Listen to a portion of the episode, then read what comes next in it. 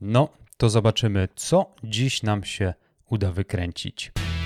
W wieku 16 lat wiedziałem, że chcę robić wybitne rzeczy w gronie wybitnych specjalistów. Zostałem więc menadżerem i choć zarządzanie to niełatwy kawałek chleba, uczę, jak to robić na najwyższym poziomie. Jestem Mariusz Najwer, a to mój podcast o zarządzaniu w IT. Być jak menadżer podcast epizod 7. Dzień dobry. Uczenie maszynowe, machine learning, w skrócie ML, sztuczna inteligencja, artificial intelligence, w skrócie AI, to są pojęcia, które jako product, ale także project manager w branży technologicznej znać musisz. I zakładam, że drogi słuchaczu, na pewno już słyszałeś te pojęcia, ponieważ ten tak zwany AI albo ML zaczynają nas otaczać zewsząd, z każdej strony. I są to pojęcia, które trendują. Mam na myśli to, że stają się coraz, coraz bardziej popularne z roku na rok. Jest taki hype na sztuczną inteligencję, na uczenie maszynowe, także na deep learning. Natomiast ja nie chcę dzisiaj brać na warsztat jako tako tego AI lub ML-a.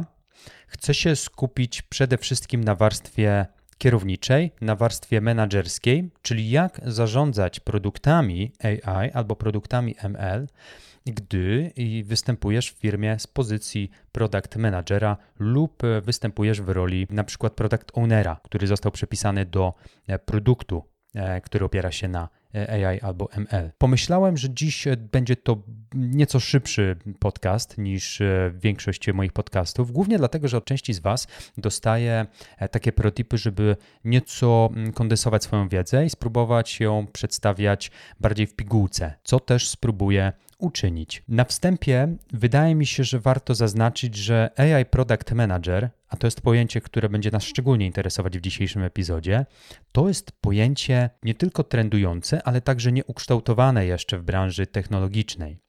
Nie do końca wiadomo, nie do końca łatwo jest e, w kilku słowach opisać te rolę. Wiemy, że taka rola powoli zaczyna się kształtować, ponieważ coraz więcej e, przede wszystkim tych dużych globalnych firm IT jak e, Google, Amazon, LinkedIn, mm, Tesla te brandy coraz częściej w swoich ogłoszeniach o pracę umieszczają właśnie taki termin AI, Product Manager.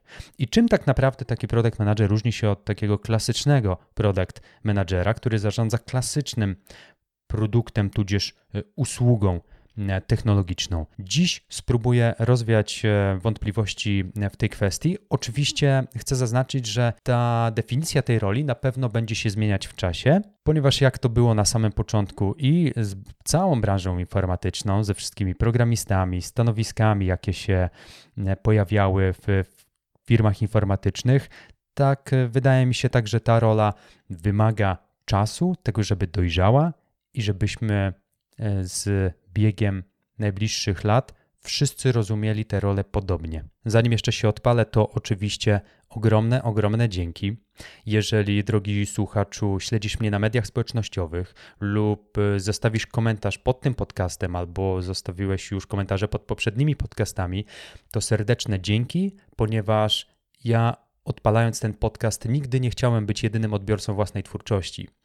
A jeżeli dociera do mnie, że nie jestem jedynym odbiorcą własnej twórczości, ponieważ także ty tego słuchasz, to jest mi niewiarygodnie przyjemnie i jestem niewiarygodnie wdzięczny za to, że to, co ja robię, jest albo wydaje się na tyle interesujące, że także ty poświęcasz swój bezcenny czas, żeby tego wysłuchać i żeby skonsumować tę wiedzę albo opinie, jakie głoszę za pośrednictwem mikrofonu. Oczywiście zachęcam do zostawiania komentarzy, zachęcam także do wysyłania mi wiadomości prywatnych. Ja, jeżeli tylko czas na to pozwala, to staram się jak najlepiej odpowiadać na zapytania w prywatnych wiadomościach.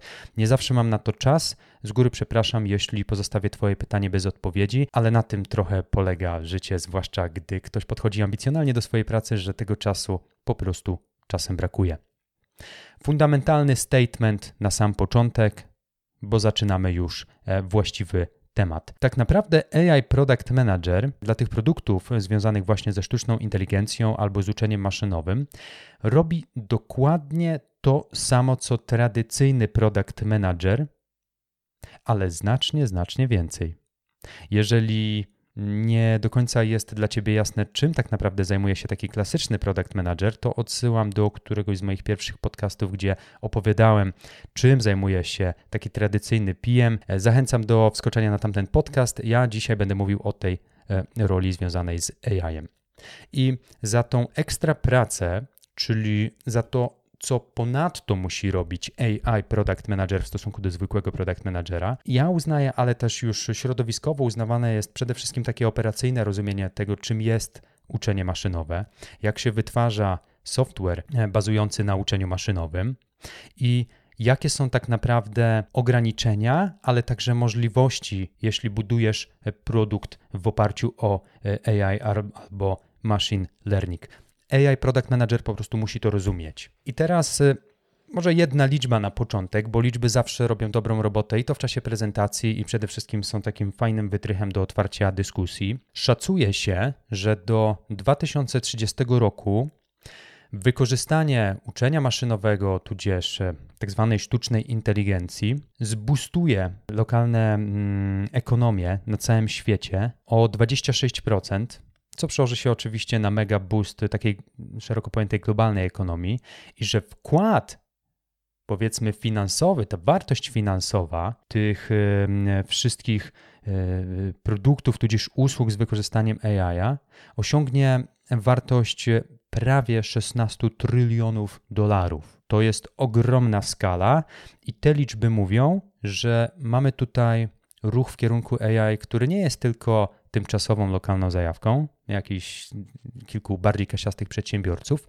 Nie, to jest globalny trend, który trenduje nieodwracalnie. Ustalmy na początku może kilka definicji. Przede wszystkim, jeżeli będę mówił tradycyjny software albo klasyczne oprogramowanie, to będę miał na myśli te produkty, w których nie wykorzystuje się uczenia maszynowego ani AI. Natomiast jeżeli będę mówił AI produkt albo ML produkt, no to oczywiście chodzi o produkty, gdzie te rzeczy wykorzystujemy. Oczywiście jest to bardzo uproszczona definicja, ponieważ wiemy, że tradycyjne, klasyczne oprogramowanie nijak nie powinno kojarzyć się z czymś łatwiejszym albo prostszym bo to wcale nie musi być prostsze, ale pewne rezultaty, jakie możemy osiągnąć, budując e, tradycyjne oprogramowanie, możemy je osiągać w nieco prostszy sposób. Ja podam Tobie przykład.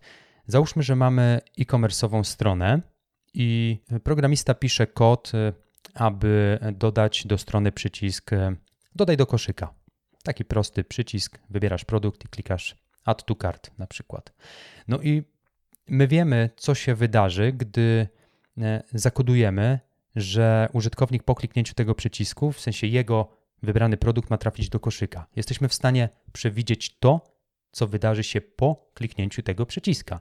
My wiemy, jaką akcję chcemy wywołać i wiemy, czym ta akcja ma się zakończyć. Po kliknięciu przycisku produkt musi trafić do koszyka. Natomiast w przypadku produktów e, AI-owych, no tutaj wynik końcowy jakby naszego e, działania nie jest już taki oczywisty. I to jest definicja, którą e, ustalmy już na samym początku.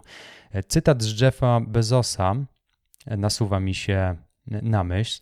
Jeff Bezos, cytuję z pamięci, mm, mam nadzieję, że w miarę dokładnie, powiedział, że jeśli robisz rzeczy, jeśli robicie, w sensie organizacji, jeśli robicie rzeczy, gdzie znacie odpowiedź na swoje akcje od samego początku, prawdopodobnie Twoja firma idzie w złym kierunku. Ja myślę, że Jeff Bezos chciał zakomunikować, że jeśli będziemy próbowali tworzyć produkty AI i będziemy definiować, jaki ma być rezultat naszych prac już na samym początku, to jesteśmy w błędzie. Ja sobie rozdzieliłem na takie cztery pryncypia.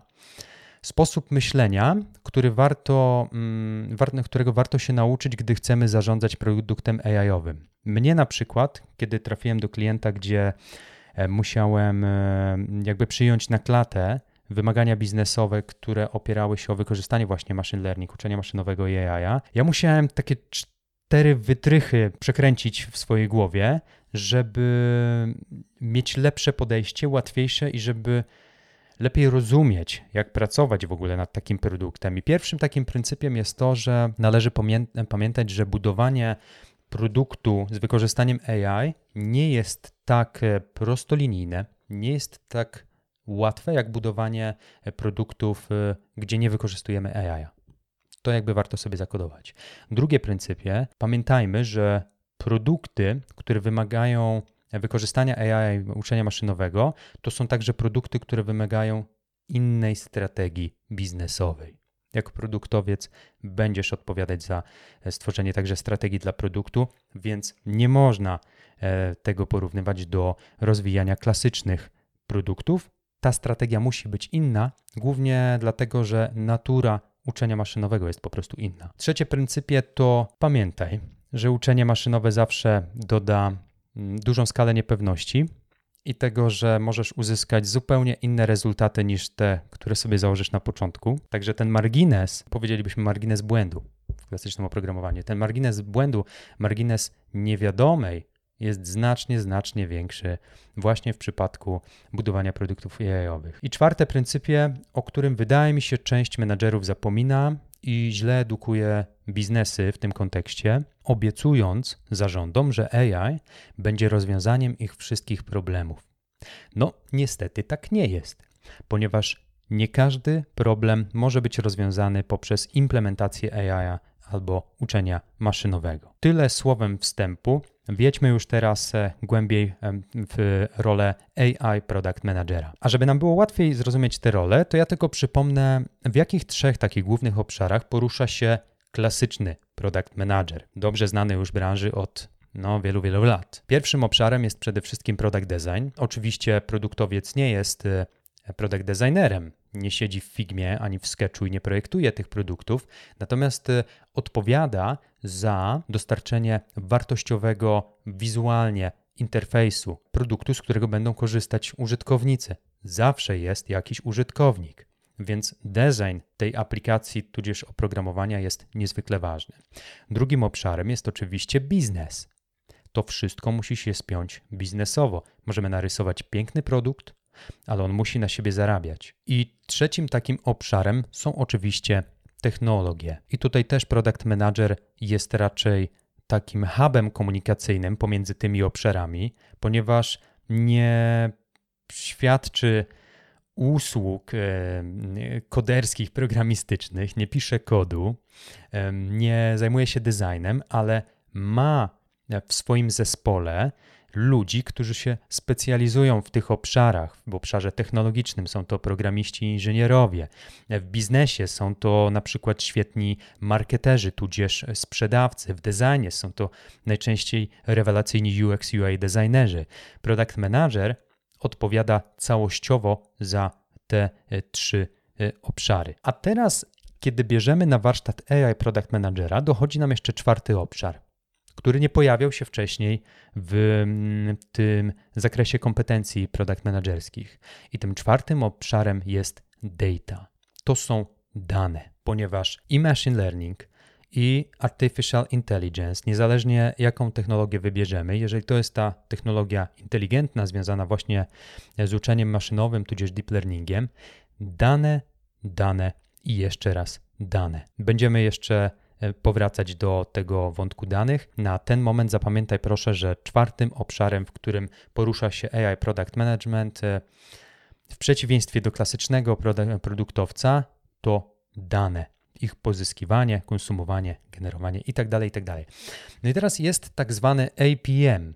Spotkasz się prędzej czy później z takim skrótem APM, czyli AI Product Manager. Ja tego skrótu też będę korzystał, bo czasem jest po prostu szybciej. Jakie są podstawowe kompetencje takiego APM-a? Przede wszystkim to zrozumienie, jakie dane posiada organizacja, jakie dane wchodzą do firmy, do organizacji tudzież produktu, a jakie dane z tej organizacji, z tego produktu wychodzą. Taki APM to dobrze by było, żeby potrafił przeprowadzać swoje bardziej zaawansowane analizy niż klasyczny PM, na przykład uruchamianie w bazie MySQL swoich query, tworzenie swoich metryk, budowanie dashboardów, które pomogą mu w analizach danych.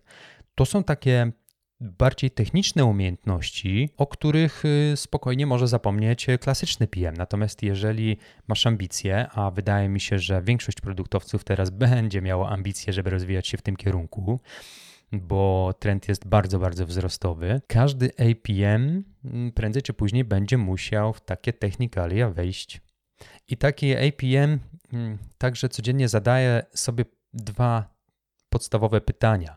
Pierwszym pytaniem jest to, jak dane, które są potrzebne do na przykład wytworzenia e, silników rekomendacji, jak te dane będą przede wszystkim zbierane, jak będą generowane i jak będą konsumowane wewnątrz produktu, wewnątrz usługi. I także zadaję sobie każdego dnia pytanie, jak AI albo uczenie maszynowe wpłynie na nasz produkt, żeby ten produkt zajął unikalną pozycję na rynku. Jak wygrać rynek za pośrednictwem AI albo uczenia maszynowego? To są dwa pytania, które taki APM powinien sobie zadawać. Skąd w ogóle ta rola APM do nas przyszła? Sześć y, prostych przykładów. Departament Google Search, czyli departament Google odpowiadający za searcha. Tam zaszczepianie AI dzieje się już od lat. Google Photos, tak samo mm, Apple Photos, czy tam iPhotos, Tesla, na stronach Tesla od czasu do czasu też możemy spotkać e, ogłoszenia o poszukiwaniu product managerów, tudzież project managerów e, ukierunkowanych w, stronie, w stronę AI, Alexa, ale też e, Amazon Recommendations albo Stitch Fix. Stitch Fix to jest taki website, który customowo dobiera dla ciebie mm, ubrania, które potencjalnie na pewno Ci się spodobają, trafią w, kuj, w Twój gust i będą do Ciebie pasować. Też y, bardzo fajny przykład wykorzystania uczenia maszynowego w branży e-commerce'owej. Jak taki product manager powinien dealować z sesjami planningowymi? Są takie trzy rzeczy, które warto wspomnieć. Przede wszystkim musisz pamiętać, że nie będziesz y, mógł znaleźć żadnych benchmarków w internecie. Ciężko będzie znaleźć inny produkt podobny do Twojego, który na przykład już wykorzystał taką technologię. A to z prostej przyczyny, ponieważ jest niemalże niemożliwe. Ja zakładam 99,9% prawdopodobieństwa, że nie istnieją dwa takie same e, systemy, gdzie ta training data, czyli te dane, wykorzystane do uczenia maszynowego oraz algorytmy zaimplementowane w tej aplikacji będą takie same. Nie ma dwóch takich systemów. To jest cholera, to jest po prostu niemożliwe. Druga rzecz, o której warto pamiętać, to to, że estymowanie prac nad e, takim produktem wspólnie z zespołem nie musi być e, super ciężkie, ale tylko jeśli będziemy pamiętać, że AI produkt nigdy nie będzie się zachowywał tak jak tradycyjne oprogramowanie. Pamiętajmy o tym. I trzecia rzecz, którą również musiałem sobie zaszczepić, o której muszę pamiętać każdego dnia, gdy pracuję nad produktem AI ze swoim zespołem. Najlepsza możliwa strategia w większości przypadków to zrobić w pierwszej kolejności najprostszą rzecz, która może potencjalnie działać. Co się za tym kryje? Nigdy nie rozpoczynać pracy z jakąś kompleksową, złożoną strukturą danych.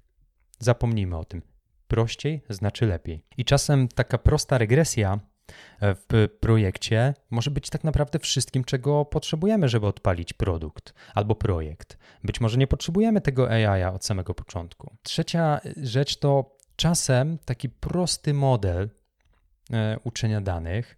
E, prosty silnik rekomendacyjny może być tak naprawdę wszystkim, czego potrzebujemy. Ja wiem, że bardzo wiele e, zarządów i, także menadżerów lubi bujać w obłokach, do czego to nie wykorzysta, tę sztuczną inteligencję i tak ale słuchajcie, szczerze chodzi o to, żeby upraszczać. Upraszczać, upraszczać jeszcze raz upraszczać. Jest taki człowiek, nazywa się Andrew Ng to jest e, profesor Uniwersytetu Stanford i to jest dość popularna postać w tym e, rodzącym się na naszych oczach e, świecie sztucznej inteligencji, ponieważ mm, ten profesor Andrew, on powiedział bardzo fajną rzecz, że nie istnieje tak naprawdę ustalony, ustandaryzowany proces przepływu pracy dla product managerów, którzy budują aplikacje AI dla przedsiębiorstw. I ja się z tymi słowami zgadzam. Nie ma jeszcze standardów. To wszystko jest jeszcze in progress, aczkolwiek powiem Wam, że jak przygotowywałem się do dzisiejszego podcastu, a nie chciałem bazować tylko na moim doświadczeniu, dlatego szukałem, um, szukałem innych opinii w internecie, żeby porównać czyjeś doświadczenia do swoich doświadczeń, to powoli, powoli gdzieś tam te standardy można, te standardy można jednak e, znaleźć. Jako AI Product Manager będziesz miał lub już masz, jeżeli już realizujesz się w tej roli, ogromny wpływ na środowisko w pracy, e, w którym jesteś. W sensie w ogóle menadżerowie wyższego szczebla, a nawet średniego szczebla mają bezpośredni wpływ na e, atmosferę i struktury w firmie. Więc warto, żebyś wiedział, czego potrzebuje firma, żeby dostarczyć usługi AI, rozwiązania z wykorzystaniem machine learningu. Ja zaznaczyłem tylko trzy najważniejsze rzeczy według mnie. To są takie e, prewymagania, czyli wymagania, zanim pojawią się prawdziwe wymagania co do e, produktu, które organizacja musi spełnić, żeby te prace poszły po prostu lepiej. Przede wszystkim to organizacja powinna być przygotowana na to, a także zdolna do tego, żeby podejmować decyzje w oparciu o dane analityczne. Nie budować wymagań biznesowych na podstawie tak, tak zwanych miśków i tego, że komuś się coś wydaje, albo ktoś ma doświadczenie, że coś powinno działać tak, a nie inaczej, więc tak zróbmy. Nie, nie, nie. To jakby nie bawimy się w to. Organizacja powinna dojrzeć do tego, że analizujemy dane, a następnie wyciągamy wnioski i wtedy budujemy wymagania biznesowe. I to jest ścieżka, którą e, podążyły m.in. Google, Facebook albo LinkedIn. Bierzmy przykład z najlepszych. Druga rzecz to organizacja powinna być wręcz obsesyjnie zafiksowana, zakręcona na punkcie mierzenia. Ja to y, nazwałem measurement obsessed approach. I ten measurement, e, measurement e, obsessed approach to jest naprawdę maksymalny fokus na to, żeby mierzyć wszystko, co tylko jesteśmy w stanie zmierzyć. Bo dzięki temu, że będziemy mierzyć, będziemy mieć więcej danych. Więcej danych oznacza, i tu przechodzę do trzeciego punktu, ogromna ilość danych e, i danych, które są, to się mówi label data, etykietowane. Chodzi o to, żeby nie pobierać i nie pozyskiwać tylko samych danych, ale żeby te dane były przyzwoicie opisane. Co to za dane? Skąd są te dane? Do czego służą te dane? Do czego mogą nam się przydać te dane? E, jak chcemy je skonsumować? Więcej danych oznacza lepszy produkt AI. Brak danych, za pośrednictwem których te uczenie maszynowe może w ogóle zaistnieć, oznacza, że nie rozwiążemy żadnych problemów, wykorzystując y, na przykład artificial intelligence. Potrzebujemy te dane. Jakie są takie essential skills, czyli takie esencjonalne umiejętności, które taki APM powinien posiadać? Ja wypisałem trzy, dwa z nich są um, znane już z klasycznego product managementu. Te, te, znane to jest oczywiście komunikacja.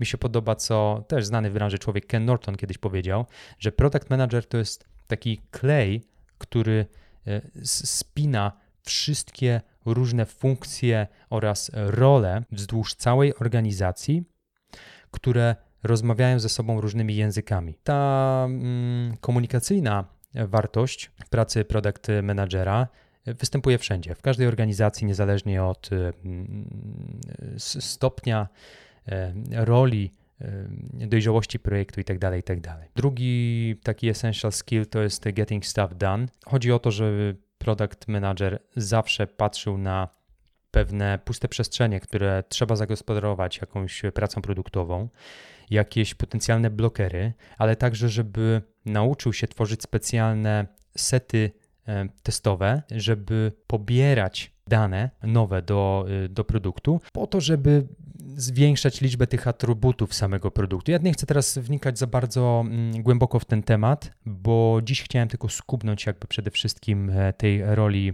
e, AI Product Managera, więc e, zwinnie przeskakuję do tej trzeciej esencjonalnej umiejętności. Ja ją nazwałem w takiej prezentacji, którą po angielsku robiłem handle on data. Za tym się kryje taki wymóg, wydaje mi się, żeby AI PM miał praktyczne doświadczenie oraz wiedzę w pracy przede wszystkim z budowaniem modeli, ale także z pozyskiwaniem i analizowaniem właśnie danych, e, które są wykorzystywane przez chociażby silniki rekomendacyjne. Dane, dane, jeszcze raz dane. Mam dla Ciebie na koniec sześć takich protipów, wydaje mi się, które mnie pomogły w pracy produktowca gdy pracowałem, zresztą ja wciąż pracuję nad produktem, gdzie wykorzystujemy i silniki rekomendacyjne, i, i uczenie maszynowe, chociaż nie jestem w 100% jakby wkręcony w ten konkretny obszar, to wierzę, że niezależnie od tego, gdzie wyląduję w przyszłości, ten AI pozostanie ze mną i być może także z Tobą już do końca naszych dni. Sześć protipów. Pierwszy. Uwierz w nieprzewidywalność produktu i systemu, który wykorzystuje AI. Mówiąc nieprzewidywalność, mam na myśli, że rezultaty Twojej pracy i Twojego zespołu mogą być zupełnie inne od oczekiwanych. Drugi protip. Bądź efektywnym translatorem. To będzie wymagać niezwykle dużo wysiłku dla Ciebie, żeby wytłumaczyć ludziom nietechnicznym, na przykład zarządowi, którego rozumienie technologiczne sprowadza się do obsługi kalkulatora. I teraz ty będziesz musiał tłumaczyć zarządowi, czym jest uczenie maszynowe AI, nie używając terminów stricte technicznych, więc radzę poćwiczyć. O właśnie, to jest dobre ćwiczenie. Wiesz, jak ja ćwiczę wystąpienia przed zarządem? Staram się jakiemuś dziecku wytłumaczyć, o co chodzi na przykład w danym produkcie albo w danej aplikacji. Bo jeżeli dziecko ciebie zrozumie, to zrozumie ciebie także zarząd. Mam nadzieję, że zarządy nie pogniewają się za tę metaforę. To oczywiście tylko pewne ćwiczenie praktyczne, natomiast to ćwiczenie pomaga, yy, pomaga tobie wyrobić w sobie umiejętność prostego komunikowania e, tego, co dzieje się w produkcie albo w projekcie. Wręcz łopatologicznego. A dlaczego łopatologicznego? Dlatego, żeby nie zostawiać pola do niedomówień. Protip numer 3 to miej inne podejście do strategii budowania produktu AI niż do produktu klasycznego. Chodzi o to, żeby więcej efortu, wysiłku, czasu poświęcać na fazę prac przed dojściem do momentu implementacji, czyli przede wszystkim na eksplorowanie danych, na rozmowy z badaczami, na product discovery chociażby. Im więcej czasu spędzisz ze swoim zespołem, zanim zaczniecie już implementować pewne rzeczy, tym mniej niespodzianek e, spotkacie w przyszłości. Czwarty protip to zarządzaj oczekiwaniami oraz stakeholderami. Wspomniałem o tym już przed chwilą. To się łączy bezpośrednio z tym, żeby być efektywnym translatorem. Dużo pracy będzie kosztować to, żeby, żeby zarządzać e, requestami, jakie będziesz otrzymywał. Piąty protip to miej empatię dla użytkowników, a przede wszystkim, jeżeli mówimy o prywatności. Silniki rekomendacyjne, w ogóle machine learning AI, który opiera się na danych, te dane zazwyczaj pochodzą od użytkowników. Wlewasz te wszystkie dane do wielkiego garnka. Wyobraź sobie, że e, jesteś e, papa smurfem i robisz e, jakiś tam sok z gumi jagód. Chociaż chyba pomieszałem dwie bajki, bo to w gumisiach był sok z gumi jagód, a nie w smurfach. Ale dobra, jesteś papa smurfem i robisz jakiś super wywar, który ma dodać mocy twoim smurfom. I ten wywar składa się z danych pozyskanych od tych smurfów.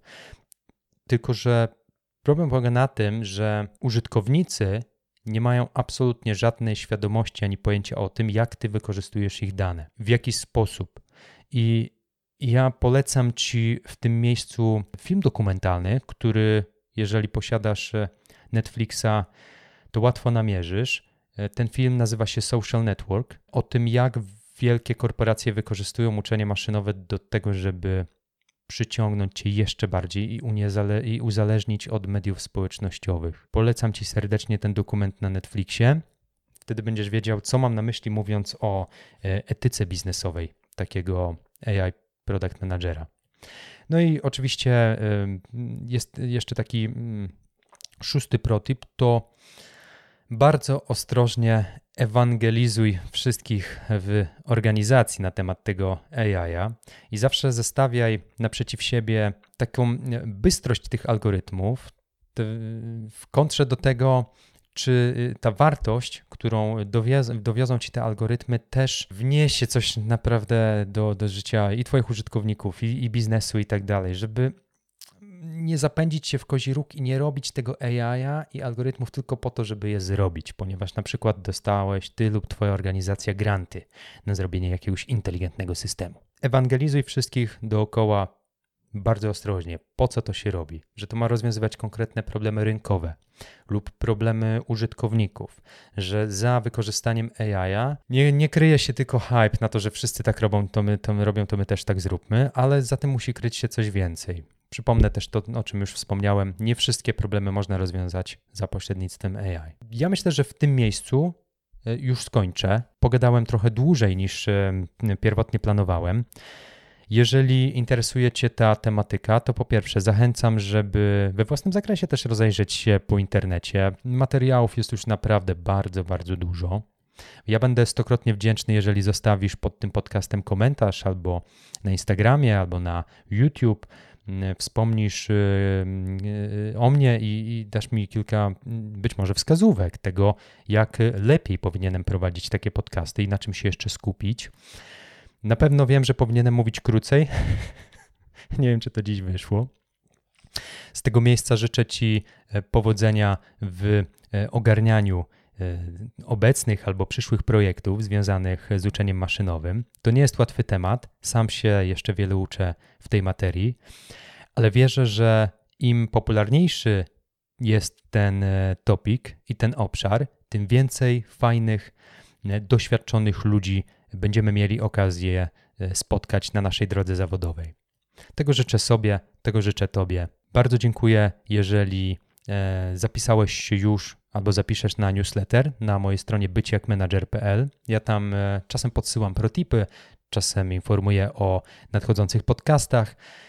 Dla mnie to jest podstawowy kanał komunikacji z moimi słuchaczami. Jeżeli dołączysz do tego grona, będzie mi niewiarygodnie, niewiarygodnie no, dobrze. Wszystkiego dobrego, dbaj o siebie i innych. Cześć.